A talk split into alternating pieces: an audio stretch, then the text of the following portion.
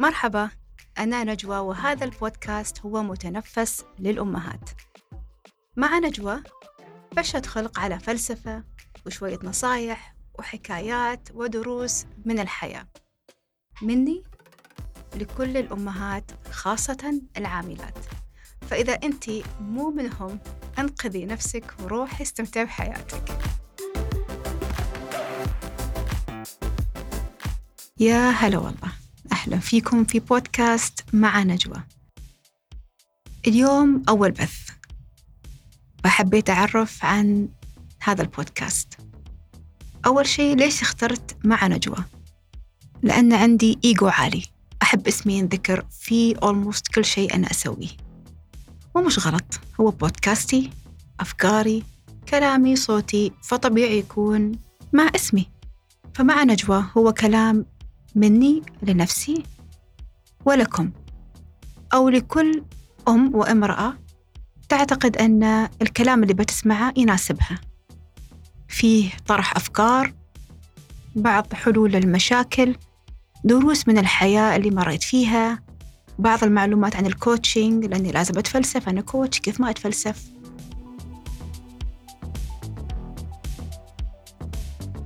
اليوم بكلمكم في موضوع شاغل بالي من فترة. أتكلم على تقريبا سنة سنة ونص. وهو فكرة تعريف النجاح للأم. بالنسبة لي من اللحظة اللي رزقت فيها بأولادي. المفروض أن هم هم أولى اهتمامي. Otherwise ليش صرت أم؟ ولكن اللي لاحظته في نفسي وفي الكثير من الأمهات أن حتى دقائق قبل ما نسير المستشفى نسوي ال notes email إن لو أنا مش موجودة أتواصل مع فلان وفلان. باعتبار أن الشغل يعني مقطع بعضه والشركة بتسكر بدوننا وحتى بعد الولادة يلا طرشي ورقة الولادة أوراق المستشفى طرشي إيميل نرد على إيميلات الدوام ناخذ تليفوناتهم وين؟ ليش هذا كله؟ هل هذا معناه إن إحنا ناجحات؟ لسه لا ولسه بشيل هم لما برجع الدوام بجيب لهم شوكولاتة بوزع عليهم قصة المجتمع الحديث فرض شكل جديد للنجاح على الأم. الأم صارت لازم تشتغل سيارة زوج عيال أصحاء وأذكياء أهم شيء أذكياء وفي مدارس خاصة بيت جميل ديكوريتد على الآخر مكتب مركز وظيفي آه، لا سفرات خدم ماركات style معين في اللبس. ما يسمى بال picture perfect إنه لازم في صورة معينة شايفها المجتمع عن الأم العاملة وصار لازم الأم تحشر نفسها في هذه الصورة بالغصب. أنا ما أتكلم على شيء غريب أنا كنت في هذه ال picture perfect مات المجتمع. كنت أشوف نفسي وحوالي أمهات كثير. ناجحات بمقاييس المجتمع. الصورة هذه اللي هي السيارة والوظيفة والزوج والعيال والسفر وأبوه ولكن في داخل ما في إحساس الشبع والامتلاء. أن هذا فعلا نجاح حتى الاحتفال بالترقيات بالزيادات بالوظائف الجديدة صارت شكلية عشان بس المفروض إحنا نحتفل فيها. Otherwise بنسمونه بخلة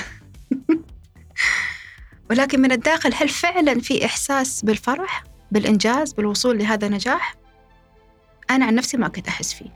ليش؟ اكتشفت أن هذه الأشياء هي مش مقياسي أنا للنجاح واحتمال تكون هي مش, مش مقياس نجاحاتكم أيضا.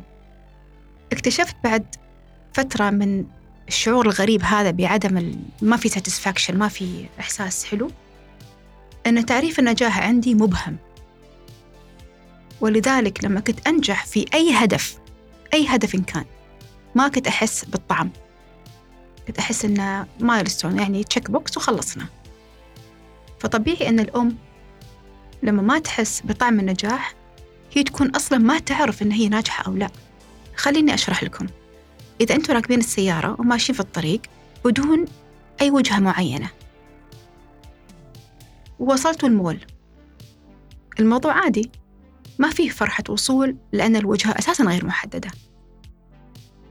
ولكن لو ركبتوا السيارة ورايحين إلى ياس مول عارفين هدفكم من ياس مول وصلتوا وتشريتوا ففي هدف تحقق هدف معلوم تحقق وفي فرحة الحصول على الهدف اللي هو الوصول إلى المول وإنكم اشتريتوا الأغراض وصلت؟ ضيعتكم؟ شرح آخر مرة الفكرة أنه إذا أنا وأنت ما حددنا معنى النجاح الحقيقي بالنسبة لنا وشو هو شكلها النهائي الشكل الحقيقي النهائي ما بنعرف إذا وصلنا أو لا. فبالتالي ما بنعرف هل نفرح أو لا. وصلت. فلذلك لكل أم تسمعني اليوم بينك وبين نفسك ولا تخبري حد عشان ما حد يعلق ويحبط. ما هو معنى وشكل النجاح بالنسبة لك أنت فقط؟ حتى لو كان النجاح بالنسبة لك وأنا أتذكر عميلة قالت لي عميلة ناجحة مهنيا قالت لي حلمي بيت حديقة ولد وبنت وزوج. كان هذا حلمها. أنا من داخل كنت مصدومة ولكن هذا كان نج... هذا كان تعريف النجاح بالنسبة لها. فإذا كان هذا تعريف النجاح بالنسبة لك خلي هو الصورة. وما تحتفلي إلا وأنت واصلة في الطريق إلى هذا النجاح. أي نجاح آخر يعتبر عبارة عن فرحة؟ هدف بسيط. ولكن صدقيني لن تحصلي على الشعور الغامر هذا من داخل القلب إلا إذا أنت وصلتي للصورة اللي في راسك فلو بتغمضين عينك دقيقة واللي تسوق لا تغمض بليز إذا في وحدة سايقة لا تغمض تخيلي شكل النجاح بعد خمس عشر عشرين سنة شو تشوفين؟ شو تسمعين؟ شو تلمسين؟ شو تشمين؟ شو هي المشاعر الموجودة في الصورة هذه اللي تخيلتيها الحين؟ هذا هو النجاح بالنسبة لك. حتى إن اختلف عن معتقدك أنت لنجاحك الخاص. فصدقيني أن هذاك هو نجاحك الحقيقي. ما في شيء بيشبع روحك من الداخل. حتى لو حصلتي على كنوز العالم إذا ما وصلتي لهذيك الصورة اللي تخيلتيها الحين. شيء أخير أريد أنبه عليه لأن هذا أنا استوعبته مؤخرا. أن لكل نجاح ضريبة. ما في حد ينجح 360 degrees.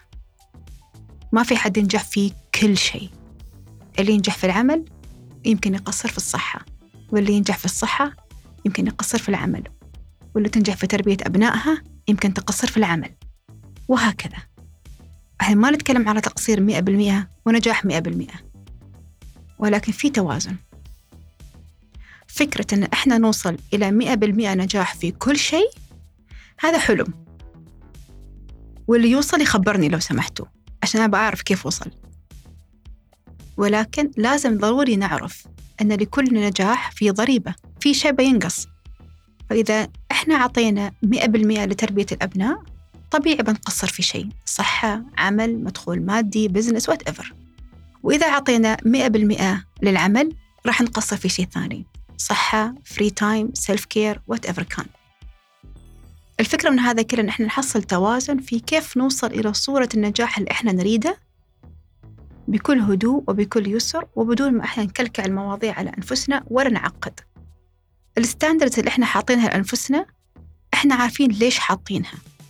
فتأكدوا من ال standards هذه. هل هي standardاتكم ولا مات المجتمع؟ هل هي خاصة فيكم أنتم حاطينها بقناعاتكم بقيمكم ولا وارثينها من الأم والأب والمجتمع وإنستغرام وسناب شات وهذا كله؟ شيكوا على قناعاتكم شيكوا على تعريفكم للنجاح شيكوا على صورة النجاح اللي أنتم حابينها. عشان اليوم اللي توصلون فيه للنجاح تحتفلون صح. وكفاية احتفال بنجاحات ليست لنا أساسا. آخر سؤال. هل عرفتي تعريف النجاح بالنسبة لك؟ مع هذا السؤال أترككم اليوم. خلص كلامي لليوم خلصت فلسفتي لليوم. تابعوا حسابي على إنستغرام.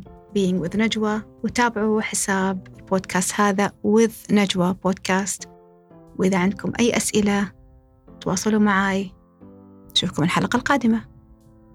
مع ألف سلامة.